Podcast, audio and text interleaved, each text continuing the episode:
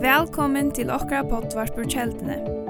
Loika mykje hvert var stater i dag, så vana vi at hesen båskapring kan være til oppbygging for det og for tukt antall av loiv. Takk for at du loir av og njød dagsens båskap. Amen, amen, amen. Yes, vi takkar deg for at det er ønsken annar som to fer. Det er to som gjør alla månen. Och våra stövar kan så inte omövlig ut, men vi tar och i rockningsne så blir allt till. Jesus, vi tackar dig för att du är här. Vi tackar dig för att du möter oss här. Vi tackar dig för att vi tar att han hejer att kunna tillbya tan livande god. För vi prysar dig för det som du har gjort, det som du första gör och mest ödlån för han som du är. Vi ära till, vi älskar till och i Jesu namn. Och i Jesu namn. Amen, amen, amen. Amen. Wow. Tusen takk for tid. Skal ikke gjøre låsangstøym noen av henne hånd. Og fattelig godt. Og teknikere, alle, det er fantastisk, atre. Wow. Amen. Godt å sitte det kom. Um, vanligvis, vanligvis, nå gjør det som at det er daglig gester, men uh, Men vanligvis ta er her, så er Mial alt sånne synder yngre. Så det er en stor heira kunne være her, en sunne det er sammen med tikkun. For de som ikke kjenner meg, jeg heter Tom Jakobsen, jeg er 23 år, og jeg er ur havn. Uhuh. Jeg pleier ikke rikket, jeg er ikke av havn. Men ok, til Jordan, til Jordan. Um, jeg har vært gifter, av Jolund så har vi vært gifter i 12 år. Og i 12 år, wow, fantastisk. Og jeg har vært fyra bøten, fyra bøten. Bjarsta som tutje, Filip som verer åtta sundagen om ena vike, og så er sett at tvillingon som er tvei i december. Yes. Og jeg har bruk for bøn, jeg har bruk for svøn, og i Jesu navn. Amen. Nei, tvall, nei, tvall. Jeg har en fantastisk kone som, som gjør fantastiske ting her hjemme, så at jeg får kult. Ok, amen. Ja, ja. Nei, det er godt. Jeg vil lukka åren i for ordentlig gongt. Jeg har omgang timere, det er så ikke. Og, og Paulus sier at jeg kører bare så lenge som jeg har til, men klokken ett, cirka, så får jeg tid av sted. Så jeg må enda åren til. Um, så, så det er ikke langere enn det jeg går ikke. Um, men jeg må lukka bruka en lukta løte til at uh, takka til knøtlån, og uh, Jeg vet, jeg gjør det nesten alltid tar er, men det tror jeg kjeltan for meg her er et spesielt plass i hjertan, som nekver jeg samkommer her, men men uh, kjeldan for meg har vært, altså, hvis jeg omkring fortalt meg for 15-16 år siden, Tom, en dag så forstod jeg standet her, og tog han slippe å ta om til gåa som god til gjørst, og i tøyne løyve og fire til og før han er, så har jeg omgang til kommet så jag ångar du, tog jag för mig kältan er en sorts stä som er så mye punkt, som hever såna ringeffekt om atlan, all, alla all fyrjar, men leis langre enn til, og jeg minnes, jeg ofta sagt det för men jag har här her, og minns minnes ena för var här och ena her, og här her i Rockstande og, og, og jag bara møtt gode, Jeg har møtt god og har opplevd hans gøske og hvordan fantastisk han er og hans kærleika og steg her og jeg, jeg vet ikke om teppen er skift men så jeg eier sikkert akkurat tar og snår her i vre og da ser meg her i vre uh, men, men bare til jeg kunne uh, møte god hebbeint og Jesus steg og til ikke jeg takker til konfire til jeg som til gjør alt, alle tikkere søve alt tikkere arbeid og sitte lagt ui, ui, ui med og i okkara land og i samkommun rundan om til han ringeffekten hever negv større enn vid onket og gjør okkur færrum. til onket og så halta vid at det viktigaste i enn samkommun til her Ja, han som har mikrofonen, eller de som har mikrofonen, eller de som spiller, eller de som sitter her atre. Men hvis, hvis alle samkommer ikke var sammen om det, ja, men så vær ikke av nøkron. Og her som parsten her er bare en, en prikker på puslespelen av til fotle myndene. Og hvis tid ikke hadde gjørst her, som tid har gjørst det jøkken år, og der, og så og i sånn trofeste, så er jeg ikke steg her, og gråt om mine søltetar, for jeg har opplevd et nytt møte ved gode, og jeg har ikke haft oppleva det som jeg opplevde da. Og det har lagt til jævlig nek imesting. For eksempel, det seneste, nast seneste vikene, så hørte vi den heieren, sammen vi flere inni her, at vi hørte til det ikke ekko. Og Ekko var en, en, en idé, en dreimer som vi, som er og hans terje for å prate om. Er hans terje? Han eier å møte, tvers. Det er klokkan er tølv. Nei, det var, det var. Um, og vi prater oss sammen, at gosse kul er det ikke verre hvis vi, hvis vi bare gjør det akkurst. Bare gjør akkurst for okker land, kom feres rundt. Og, og det ene som skulle gjøre bo evangeliet. Vi vil ikke at, at først skal komme til trygg. Vi vil ikke at, at bare suttje akkurst. Jeg vet ikke hva, men bare akkurst. Och så börjar vi att drömma och börjar be, börjar söka god og, och börjar få mera folk på, ikke halta tid och ser man vi nätversen och ser man vi Paula och, och alle timen här bak. Hva, kvart, kvart er det vi, vi söka i och Och så kom det mer och mer samman och, och så ändade vi så att vi, som det kanske de allra flesta vita är att, att vi börjar i Sore, så Skalavik, och så var Vestervoar, Klaxugar, Kamstel och så ända vi i Havn och, och Jöknes sitt tilltörsning Ekko så har vi så sett det så en läsa värderingar men men till omla 1300 folk som har varit inom och och varit till detta tilltag i Ekko 1300 folk och jökna allt och land och omlai 300 300 folk har Jesus till känna att här mot Jesus. Wow. Wow. Og hvor sier jeg til? Ja, takk, Jesus. Hvor sier jeg til? Hvis hett ikke er hent, jeg tror hvis hetti ikke er hent her, så er jeg ikke heldre kjent. Ikke til at jeg er noe særlig, ikke til at alt hungrer mer, men jeg er en lydel prikker av de store apostelspillene. Så så hatt ikke hent, og hett ikke hent, og alt de ui tøyme som var ekko tøyme, ikke til oppleva at vi er i parstene samkommet som tror på det, som opplevde det, som, som utfordret det, ja, men så hette hei, hei, hett ikke hent. Men jeg tykker at trofeste, jeg tykker at lyttene, så er alt dette her kommet sammen, og sammen sutja vi at mennesker er svenk etter Jesus. Amen. Så tusen, tusen takk for det. Det var flere ui her som var vi, og de arbeidet ometelig hardt. Um, det er lov i omsorgs, og at han 20 timer om dagen, ikke summe. Og, og jeg synes at folk ikke bare løse en oppgave, men faktisk at tjene gode. Flere av dem tok fri en hele vike fra sin arbeid, for jeg gjør akkurat det samme som de gjør det, bare åkjøps. Ja, det er nok så vilt. Det er offret en hele vike av lønn, og i tusen de vanligvis gjør kvønt, ja, til å gjøre det som de gjør for løn, bare åkjøps, til det vil det være vi. Og jeg at mennesker kommer fram til trygg, og vi blir sammen vitt dem, at teknikere, tonlag, alt sitter og gråter, sånn at gråter, tog at vi gjør noe tarre arbeid, til som onke du ikke ser, ikke ser til høytalere kommer opp, ikke ser til alt det her. Um, vi synes ikke at det ikke rikker, så bor jeg vidt, og så, kom nu, va? Men, men, men, men gjør noe alt det her, så opplever mennesket Jesus. Wow. Wow. Og jeg er ikke eisende enn en lytla tøkka til at Tom klokkan 1 så ferdig, minst litt her. Ok. Um, en lytla tøkka at det er for larslene ui hesten husen. Etter larslene ui hesten husen er nekka særstakt. Det er folk som har båret, som har brått i djøkkenen, som har tidsinare kampar, så som er som en unge leier slipper fra for å teka. Det har båret, det har arbeidt, det har barst i djøkkenen da, så at jeg kan standa og her noen og tarra djøkkenbråte. Så ser vi Paula, Jastrid, Ola, her flere folk inni her som, som har båret til, som har brått i djøkkenen, og han ringer fekten atter, det er ikke over, hør da, cheesy, jeg vet godt, akkurat som ikke, men det er ikke over i djøkkenen alt okra land. Så jeg halte vi skulle djeva lærsløsen husen, de som leier er størst klapp, tusen, tusen takk for det. Og jeg fikk ikke nekk god råd fra Paula, nu tar er samkom leier sjolver kvart German. simpelthen kommer det ut på kvært. Kus German det til tog at det er så nekk for gosse, og a få at han visdom som som Paul og andre var givet er helt ounverlig. Så tusen tusen takk for det. Ok. Er vi klar? Og her sitter folk her oppe. Hei tid. Yes.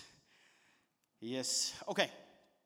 Jeg er ferdig at, at hos oss syndrom om en båtskap som... Uh, som check upp for mer, mer och mer tjøkken mot liv, er at, jag nu allt mot liv, så har vi liv og jesen här inte allt mot liv, men, men opp til et punkt, så, så tror jeg att kristendomen att fylgjast sig Jesus var min uppgåva Det var jeg som skulle bærja meg inn, det var jeg som skulle halda noen ting, det var jeg som skulle oppnå noen ting, og jeg er trygg på lærersvennskap, jeg er trygg på at vi skulle gjøre noen ting og ikke gjøre noen ting, absolutt, men min identitet, han som er vær, følte jeg, var tenkt er at hva jeg gjør det og hva jeg ikke gjør det.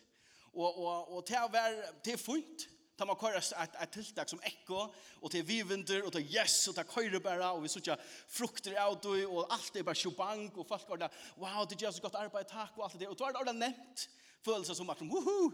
Men så kommer månedavren, da.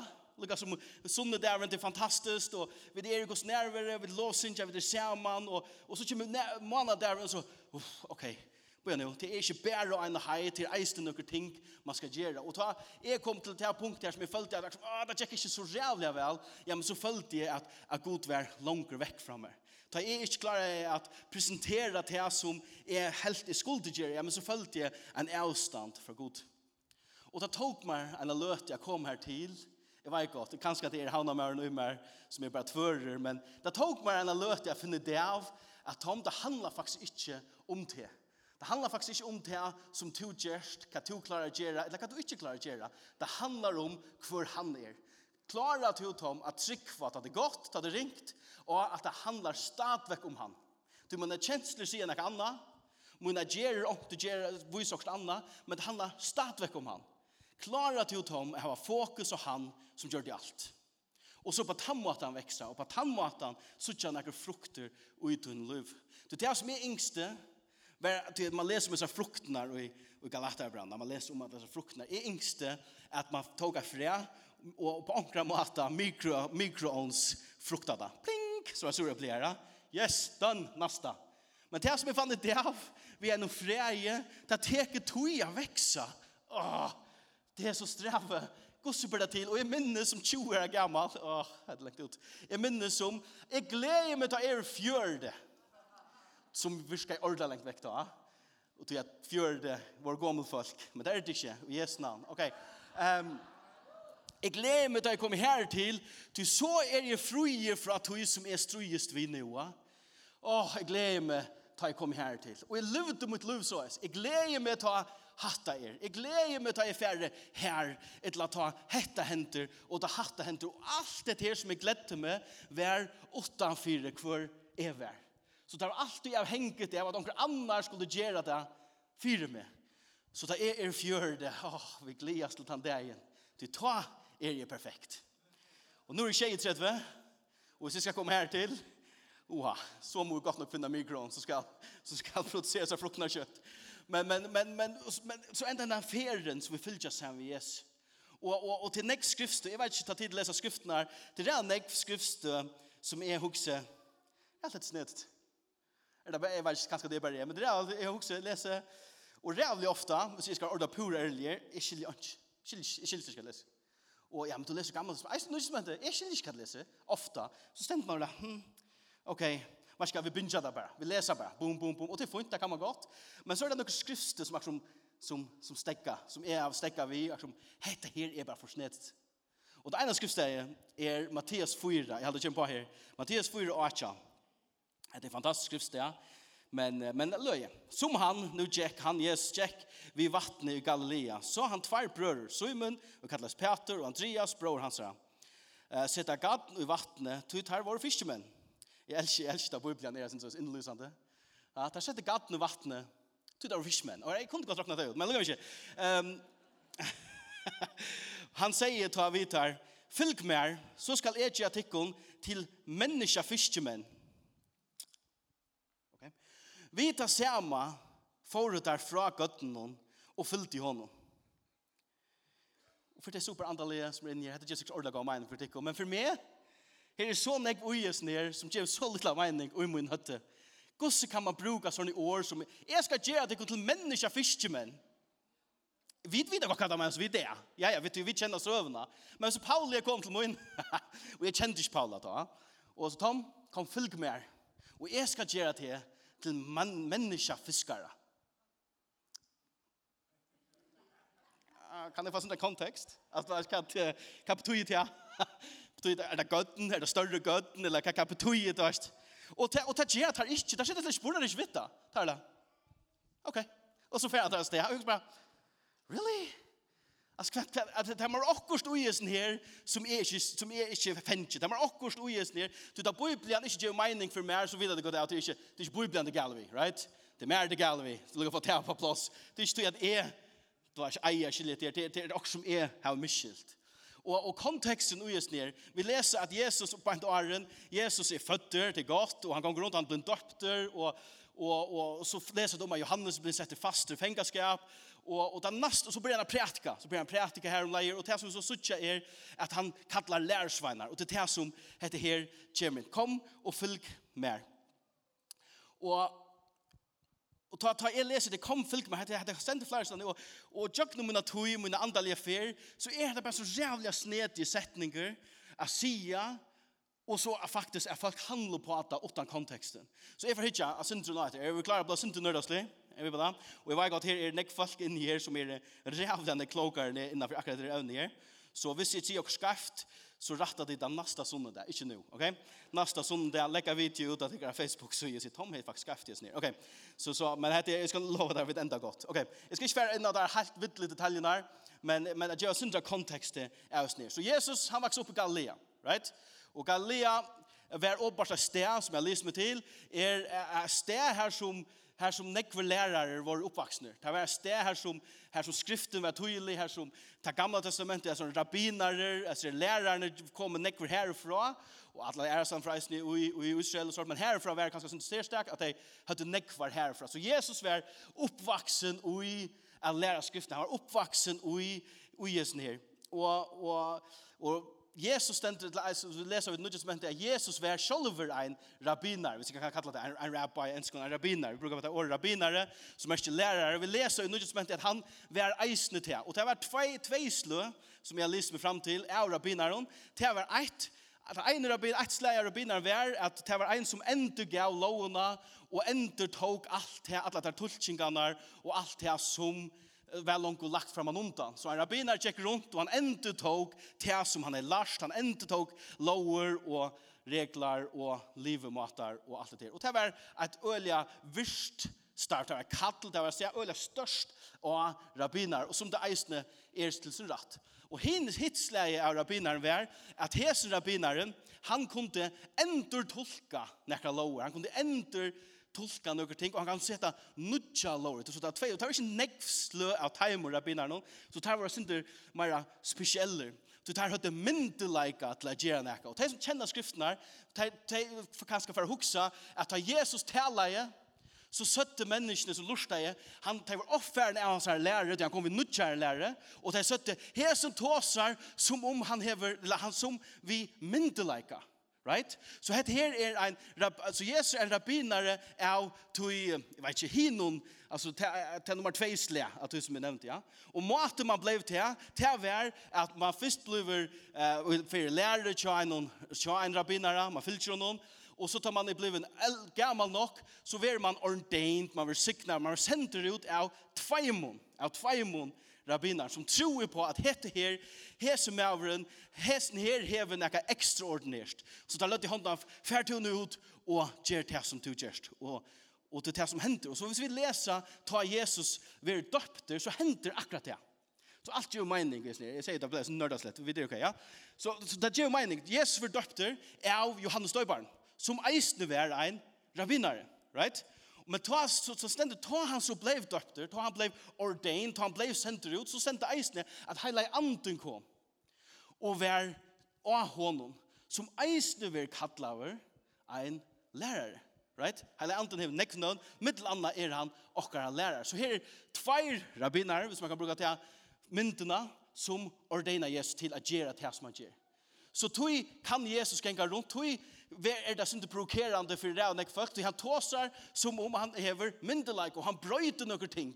Bant at han nå, het her hänt han kallar Peter og Johannes nei, og Andreas så så så er det prætkan, som er kanskje att han bäst kända talan som Jesus haft han som vi få så rævlig nek fra ui, nu Jesus mente. Du har ventet alt og høtt noen ta, right? Og hvordan kan han gjøre det? hvis han ikke har myndelaga til å gjøre det. Så følt ikke gå teka det på omkring hesten her, tåser som ein som hever myndelaik. Så Jesus er arabinar, ok? Først sin du er. Um, så kommer jeg til talmidda, kanskje omkring rattar meg hvordan man sier det, men, men Talmud, så er det tar som fer i lærer, tar som fer i lærer. Talmet er studenter, ein skolanæmninger, ein personer som er i lærer til entreprenøren, vi kallar vi talmet. Hvis vi fer atter og i søvna, og hette er synder åshemme om akkurat her, men, men onker sier at det var bæge konefolk, eller jenter og dranger, som får i skola. Og tar jeg skola til ut på at du først uh, vies ned rabbinerne, eller vi er folk folkene her på, og du lærte tåreina, fem der første bøkene, åtta annat utan nät. Okej? Okay?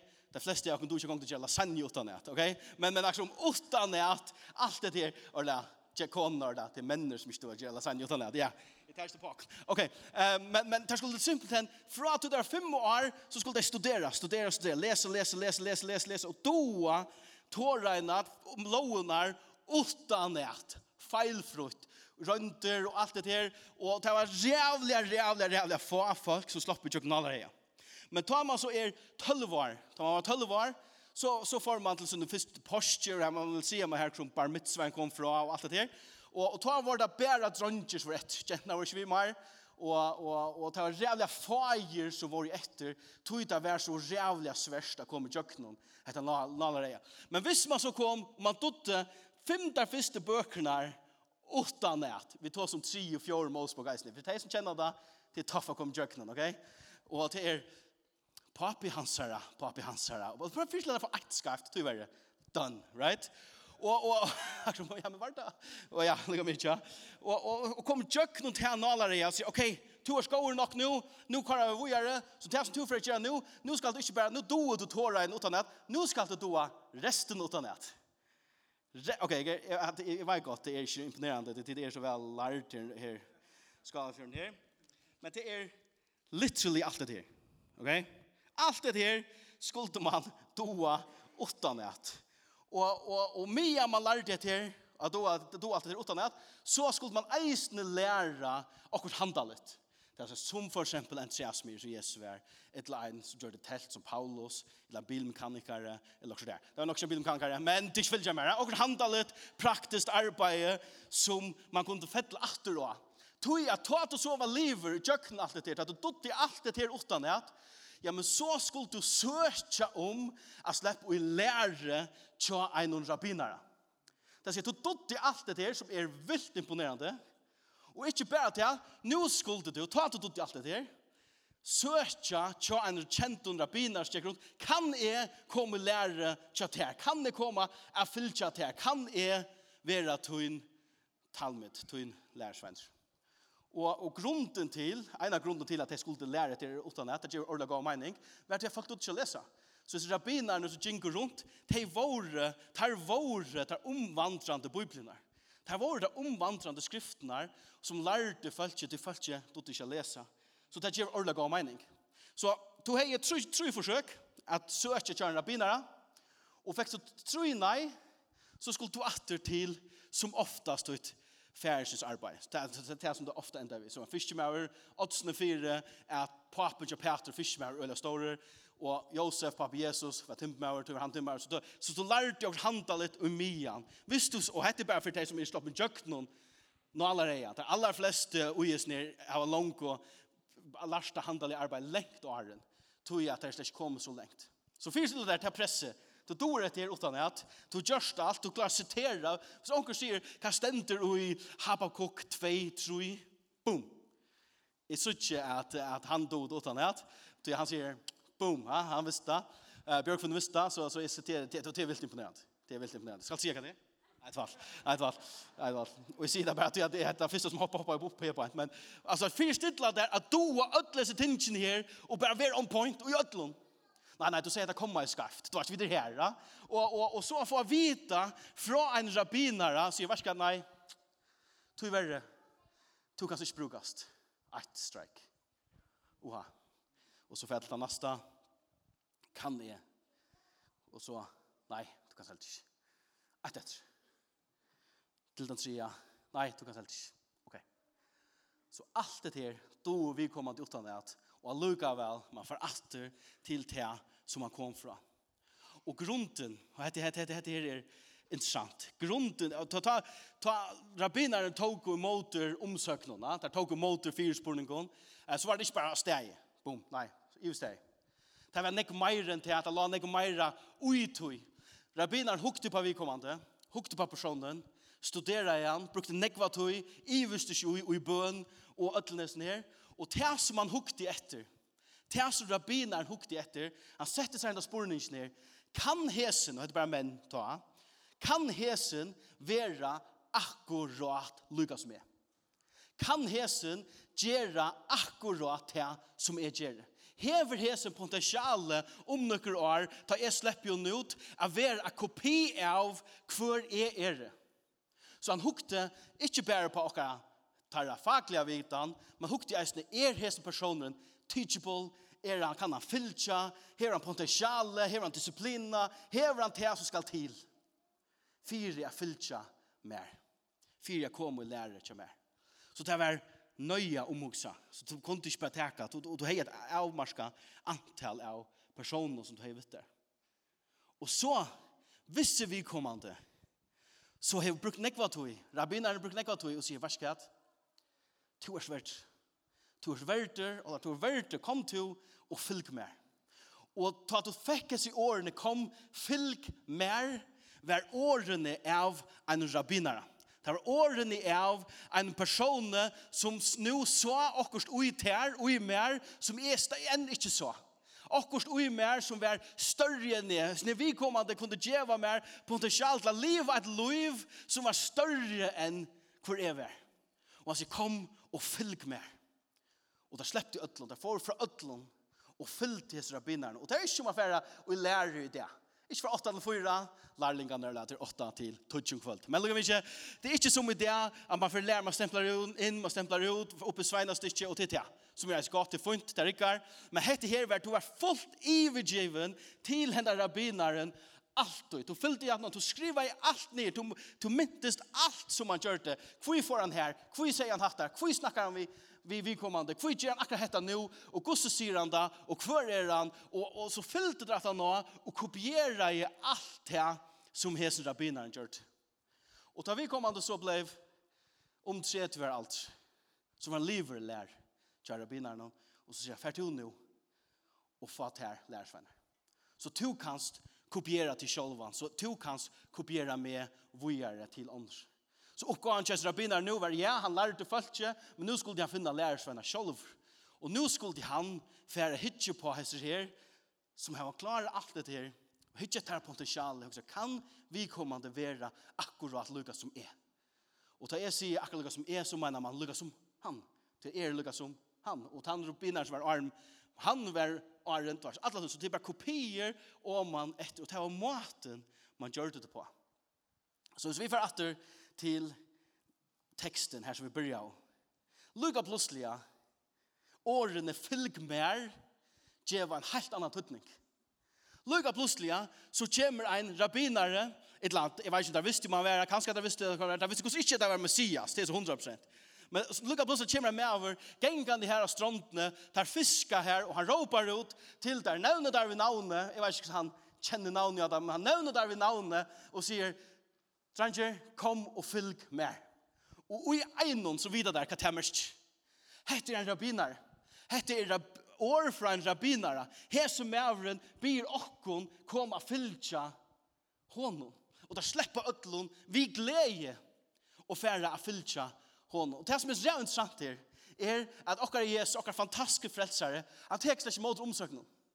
Han teker slett ikke måter at jeg setter mot resumé inn. Nå har vi ordentlig klart, vi er ordentlig vel, og jeg blir ordentlig nekv, og hjelp om noen koner om veien, og, og alt det der, og jeg er ikke banna så utla, men jeg lever på spalt i jar, så kanskje synder, men ok, det var ikke men det var ikke harst, nei, ok, lukker meg ikke, det var, og så, nei, det vi skal vekk, sånn det, og så kvar, Jesus teker ikke hese omsøknar, han gjever innbjøyngar, til folk, det som er så lengt ute, er at han gjever ikke innbjøyngar til de som dotte, alt det til utan at. Kanskje han gjorde det, jeg vet ikke.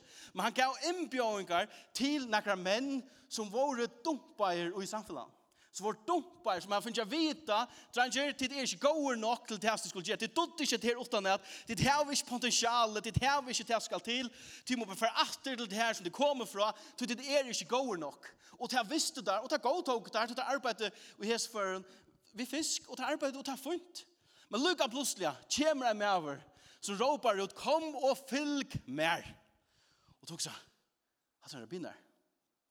Så åpenbart, åpenbart ser hese mævren, så kallar meg nu, okkurst ui mar sjolvun, sjolt om folk hava sagt at det er ikke gåur nok, sjolt om mine omstøver er ikke perfekt, nu ser han ui mer, okkurst som er ikke suttje. Et potensial kan er verliga, kan er verliga, og ta færre at han slipper ødlun, fylgje honom, og han teker flere lærersvenner visser. Og så livet det etter liv. Og det som er rævlig fantastisk, som man så visst så, så finner det av oss interessantene, er at du fyllde en rabbinere, og i tavverende dato, så var det læra utifra og inn, right? Du lærte utifra, hva sier han, hva gjør det han, hvordan er han, hvordan kom jeg foran, hva forklær og gonger han nå, hvordan, det var alt det der, og det er alt utifra og inn, du kopierer det til. Men nu kommer han som ser okkara feiler, ser at vi klarer det, ser at vi er dumpa i, og han lykker han sier, to hever til til, som skal til å brøyta heim. Og derfor ikke å komme utifra og inn, derfor å komme innanfra og ut. Boja bare, boja bare. Kom to og fylg med. Og da slipper jeg å fære. Wow! Lukka plutselig, ja, da jeg leser det her, så sier jeg, det er en sånne ting som gjør mening nå. Eit er, ta Peter, Jeg vet, jeg er ikke til Peter, jeg skal ikke så där om det. Men ta Peter, derfor er rekvandet om, er om vatten, ja. Det er over, og så kommer Jesus genga det vatten at det er sånne ting som vi bare leser. Det er ikke normalt, jeg vet ikke om det er normalt her, men det er ikke normalt i havna folk genga vattnet. Og, og, og, og tar sand og tar råb, ah, det er spøkelse, alt det der, ja. Og Jesus stekker av, og Peter, jeg elsker det, Peter sier, herre, om det er to, så blir vi kommet ut. Right? Og det tversyres ned. Visste det vi er spøkelse? Helt det sagt. Nei. Visst det var spørs, ja. Hvis det var ytler ante, helt har sagt, nei, nei, Peter, vi er sikker, og tynne på, han sagt, ja, ja, ja, ja, ja, kom bara, kom bara. Og så er han blubbdrukna, right? Men, ok, vi la til litt. Men han sier, om det er to, be meg så kom ut av vattnet, og han sier, kom, kom. Og hvor gjør han til? Lukka, pluss, det blir det gjør mening for meg. Du visse Peter, her finnes åpenberingsene, og hette er min rabbi, hette er min rabbiner, hette er han som er fylkje, og sier, hvis han kan gjøre det, og han har kattlet meg, ja, men så kan jeg eisen gjøre det. Det er gjør bare det som han gjør, right? Så, så hvis det to, be meg så komme. Kom, og han trakker ut, bryr jeg genga, ser alt nær, de kjenner seg søvna, bryr jeg drukna, og senda beina veien, beina veien. Så tog Jesus i hånden honom, og det første han gjør, det er sjokk sjokkfaktor for meg. Det første han sier, hvis jeg er Jesus, til bedre, det var boom, wow. Ha? Men hvis jeg er över han så är sagt, jeg er for effort Peter. Det er godt at du klarer, godt at du prøver. Det er godt at du prøver å få ut ur vattnet og trakke av vattnet. Jeg var godt ikke nevnt. Jeg kan til alt nær. Du mega rask Peter. Go for it. Jeg skal nok hjelpe dig. Det sier Peter ikke. Nej, det sier Jesus ikke. han sier, kvui i du. Wow, så darsch. Peter, kvui iveis du? Og sier vi Peter og sagt, kan vi ta imot her etter hvis han det her er? Det minst her ute, det her er et varselig av mykje. Og tog jeg sarkasmer ikke alltid gå, men, men ja. Og, og kvui iveis du? Og det som jeg alltid liker ui, kvui iveis du ui at jeg sier til hver at han som du erst? Hvor er forslag Eva, du hukte på meg. Jeg har kallat, til fokus til her, vær av mer, til er av mer. Og lykka plutselig, så börjar du ha Eva stå i, du, du, du hikker etter alt noen, og du börjar ikke inn etter, og du börjar sikkert, hei, dette blir ikke til. En menneske eier ikke genga av vattnet, og han er jo pura rett. Må hette det som hender, da vi får fokus i av hon som en kattlokken og av okken, så börjar vi da søkka. Og han sier, onker literally og have noen som Peter, men oi okkur sjálf i eisne, ta vi missa okkar fokus og hvor Jesus sier, hvor han kallar okkur til hvor han sier videre, så bryr vi at søkka. Tu nu plutselig at bluda, hei, hvis jeg ikke rett på hendamatan, ja, vi elskar formularer, Så hvis Petra er klar at det ene før, så er han helt sikkert gjørst en formular. Jeg vet ikke at jeg tjekk akkurat som ser, jeg var akkurat det her som skrekk for noen, jeg var akkurat det her som jakka noen, jeg ber akkurat det her som bønna, jeg akkurat det her til morgenmat. Og så, nei, det handler ikke om det. Det handler om å ha fokus og han, som er Jesus. Wow. Det som kjenner sønnen, jeg skal kjøre det kjøtt, vi gjør noen, Peter er er fantastiske mauren som, som gjør så nek fantastisk ting, og vi sier grøyingar, vi sier gonger av vatten, og, og alt så fantastisk ting. Lukka plutselig så fettla han, jeg skal ikke orla kjøtt det. Da Jesus var teachen, derfor fra stav jo noen, og, så, og bant åren, så sier Jesus, vi atla lærer seg, tid for atla svitja, men Peter sier, om så atler hinner svitja det, så skal jeg færre deg vet som er super awkward, det er sida bant der. Right? Det er så, så gjør det, sier. Først, er er Peter, skjønner du? Du vet det, det er man alltid her kjønns egna sjøv, ja? Um, tvart, ok. Og så sier det at etleve lærersveinar beint her, om så alle reser her, svitja det, Jesus, så skal jeg, som tjekka vattnet, ikke svitja det, right? Og Peter sier, nei, Jesus sier, ta, ta, ta hetta kvöld i livet, til ta, heisen der en lever, så skal ta switch med, trutja for. Og det hender. Han svitja, han trutja for, au noktar han, tar fra stev Jesus, og tar au nokta han, og han er kjetter, han er bitter, og han rymer, og han fyrir atter til her som han kom fra. Og djevet er ikke bare megamening. Ta vid hava fokus og akkur sjálve. Ta vid hava fokus og at nu er det jeg som har feila. Og kanskje Jesus er ikke akkurat han som han sier seg være. Kanskje jeg er ikke akkurat han som han sier meg være. Men så fører man atter til det som man kjenner. Om det er ringt eller godt, man kjenner det man får atter. Og det er nekka som jeg ser, som helst som ungdomsleier i havn. Ta folk missa vågna, ta folk missa et her det er så så myndna for Jesus er så det er ofta att man inte åter här som man kom fra. Och Jesus möter Peter och sier at det är bara så här jag har stått okej okej jag halt mig Tom halt där okej. Så Jesus der, han møter dem atter, ropar ut der, bøtt mun fänga din eka, och så hej hade Jesus der, Peter weird han lets seg ui hade han som det. lets seg ui og svimma land kan vara nu gör den samma vi hinner och fiskar. Okej, så han svimmer och och tar kom in i land och Jesus tåser vi han och sier vi han trutja för Sier vi han trutja for, Petro elskade meg. Petro elskade meg, Petro elskade meg. Ja, Jesus, du varst det her. Ja, du varst det, du varst det her. Det som er trygg for Jesus, gjør akkurat det på en, Er Petro trus til stadvekk på at han kærleikken, den kraften, til at er suttet ut virre, til som er suttet ut potensialet, er stadvekk galtande, kjolt om du fått den. Ja, Jesus, du varst det her og til du varst det stingene. Fær så, og takk der av min lampen. Og vi sutja hva det gjør vi en person. At Luka plutselig er en endur nutja, Luka plutselig er en fokus og rett sted at han ser Jesus, han ser Jesus, oh ja, det er han som kallar meg, han hevur gjørst det, jeg har bare fyllt i hånden, det er faktisk han som gjør det, og i meg, så hvis han er i meg, så han hever kallar meg, ja, men så kan jeg gjøre disse tingene. Og han fyrir ut, og vi sutja at alt er brøtt. Heile, at han var døtt i andan, og tar fer han og Johannes fer til tempelet, er bia, og Luka plutselig gengar det forbi en person som er lemen, Og personen har stendt det fra at han var føtter i fjøret i år, som ikke er gammalt, by the way, men i fjøret i år, så har han sittet her, right? Sorry, men, men, men han har sittet her i fjøret i år, og, og, og til å si meg så mye nekk, er bare Peter og Johannes og Jesus og alle lærersvennerne, har kan ikke få bo igjen før. Så han sier at det er kvøndig og be om almose utenfor tempelet, da folk får inn og be. Men lukka plutselig, så er det akkurat hent. Akkurat hent vi Peter Det som før og møvlet, det som før var vanlig, er ikke og møvlet, er ikke vanlig mer. Han har en ombering av at nå er det en, nå kan jeg faktisk gjøre noen ting, og i djøkken kraftene som Jesus gir meg. Ikke at jeg er spesiell, ikke at jeg er noe spesiell, men at han har kattlet meg, og jeg trykker på det som han sier. Og han ser denne personen, og det blir om Olmos, og han hikker ned, og Peter sier, hikker på meg. Jeg gir det, han sier akkurat, han jeg gir det, han skjelter, han sitter Hikker på meg. Og vi kommer til, jeg vet ikke om det har opplevet det, men, men hvis det er veldig omkring sånn her som bytter er, bytter ikke rævlig ofte ikke opp. Du, det er så vån vi av det avvist, at det tar bare chansene. Men Peter ikke innskjer ikke det. Peter sier, hikk opp på meg. Og vi kommer til hukte opp. Og han sier, silver og godt har vi ikke, men det som vi har skal jeg gjøre der. Og i Jesu Kristi Nazareans, eller klart det, det er hva som sier her, til og gakk. Og jeg elsker at han sier akkurat det. Du vil sitt omsette det her til okkara mål, så sier han, ja, det kan være at jeg har ikke det som jeg alltid har haft. Jeg har kanskje ikke det ubyggvisene, jeg har ikke det rykte, jeg har ikke det kvalifikasjoner, jeg har ikke disse tingene som folk kanskje burde, helt helt det burde haft, men det som jeg har, og det som jeg vet jeg har, til at jeg er Guds baden og jeg er Guds krafter i meg, så det som jeg vil gjøre selv om jeg vet og jeg kjenner meg selv best, så innskjer han å røkke mennesker, gjøkken og meg, gjøkken og til, så det som jeg har, det gjør vi der, reiste og gakk. Og så, så får han iver teker igjen, Peter. Kom, og så får han opp.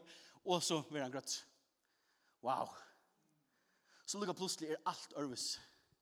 Fra at han var mist vågna, fra at han kjøkna, sånn, alt hans var løyv, altså turbulent, turbulent han rusher på rusjebana, fra ikke var gåer nok, til å finne det av at han er dumpa, han dår ikke det her, til å fiska, og sikkert livet så livet er funnet, til at lukka plutselig var kattlever av en rabbiner, han sier, kom fyllt med.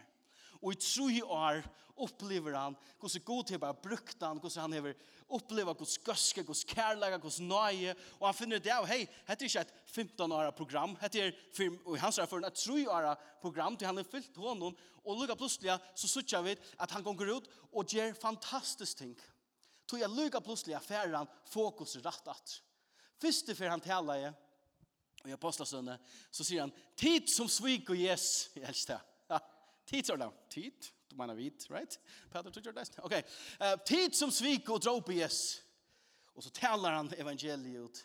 Og 3000 mennesker blir frelst. 3000, en megachurch i Einon. Boom, hva gjør man så?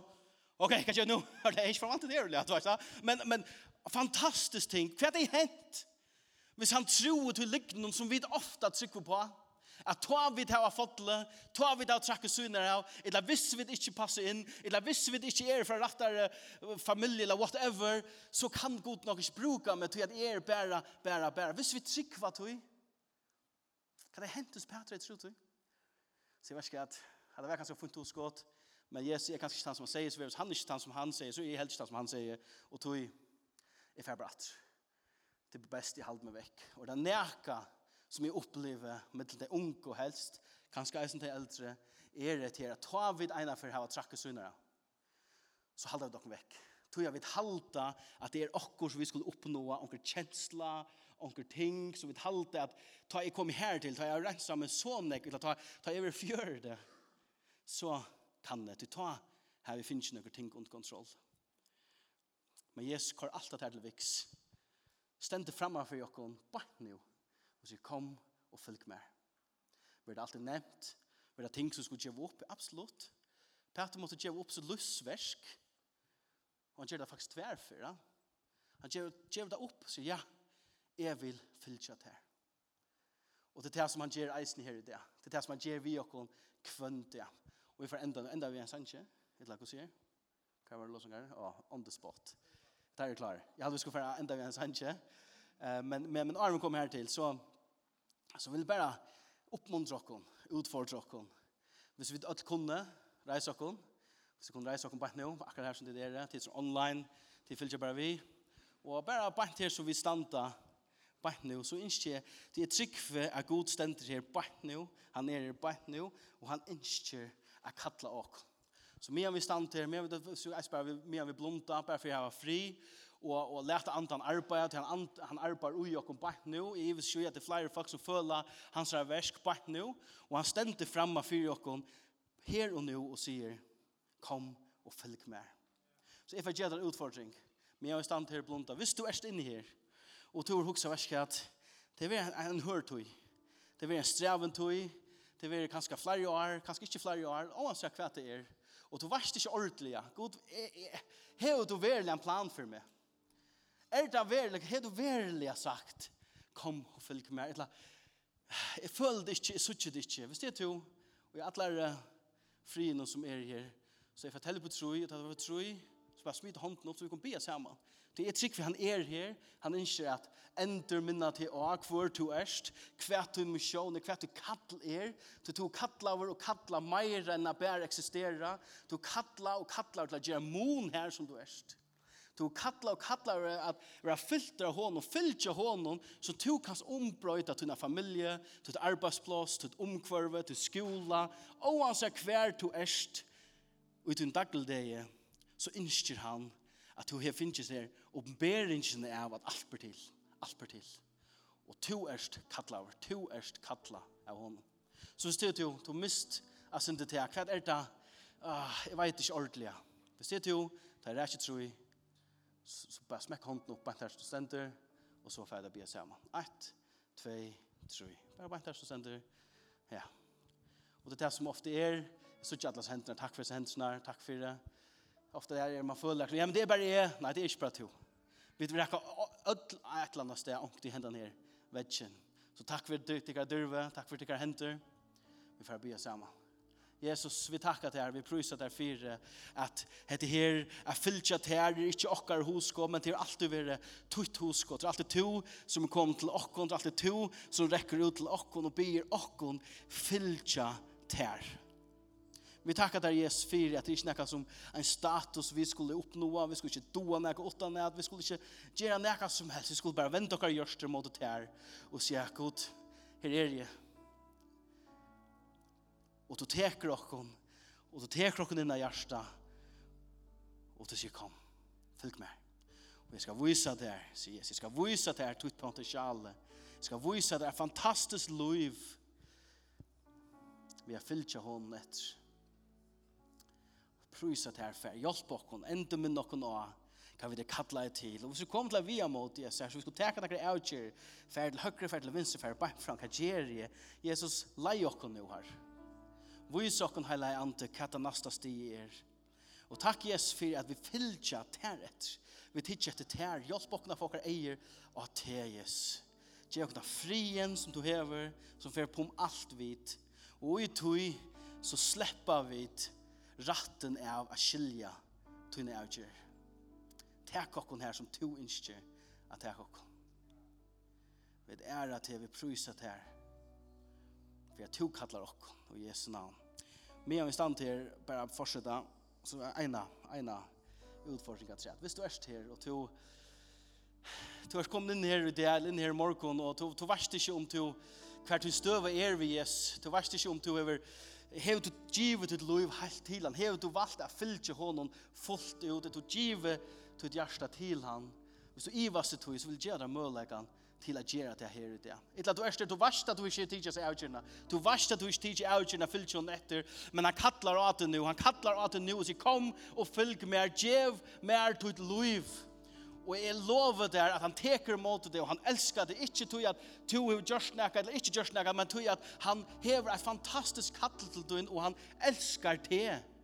Så hvis du er her, og du ikke gjør det til lov, antall av nudjon, et eller for første fyr til han, så mye av det er sant og blomtas, for at det på tro, det er trygg vi tar vi gjør okkur fysiskt, som henter inn og i, det gjør det bare verlet fyrir okkur.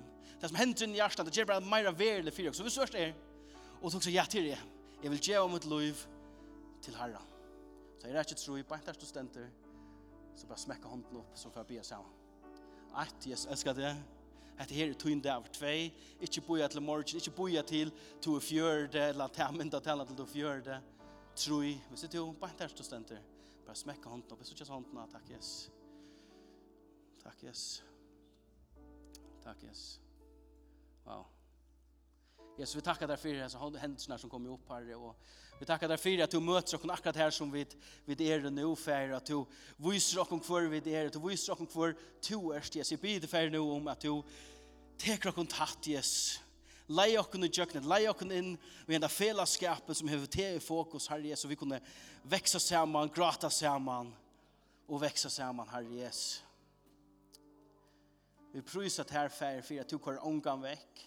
Du er ikke skuffet, du er ikke idler, du er ikke lengt vekk, du er så tatt som du kan svera. Du er døy av krossen for jokken, du røpte til er fullgjørst. Alt er gjørst.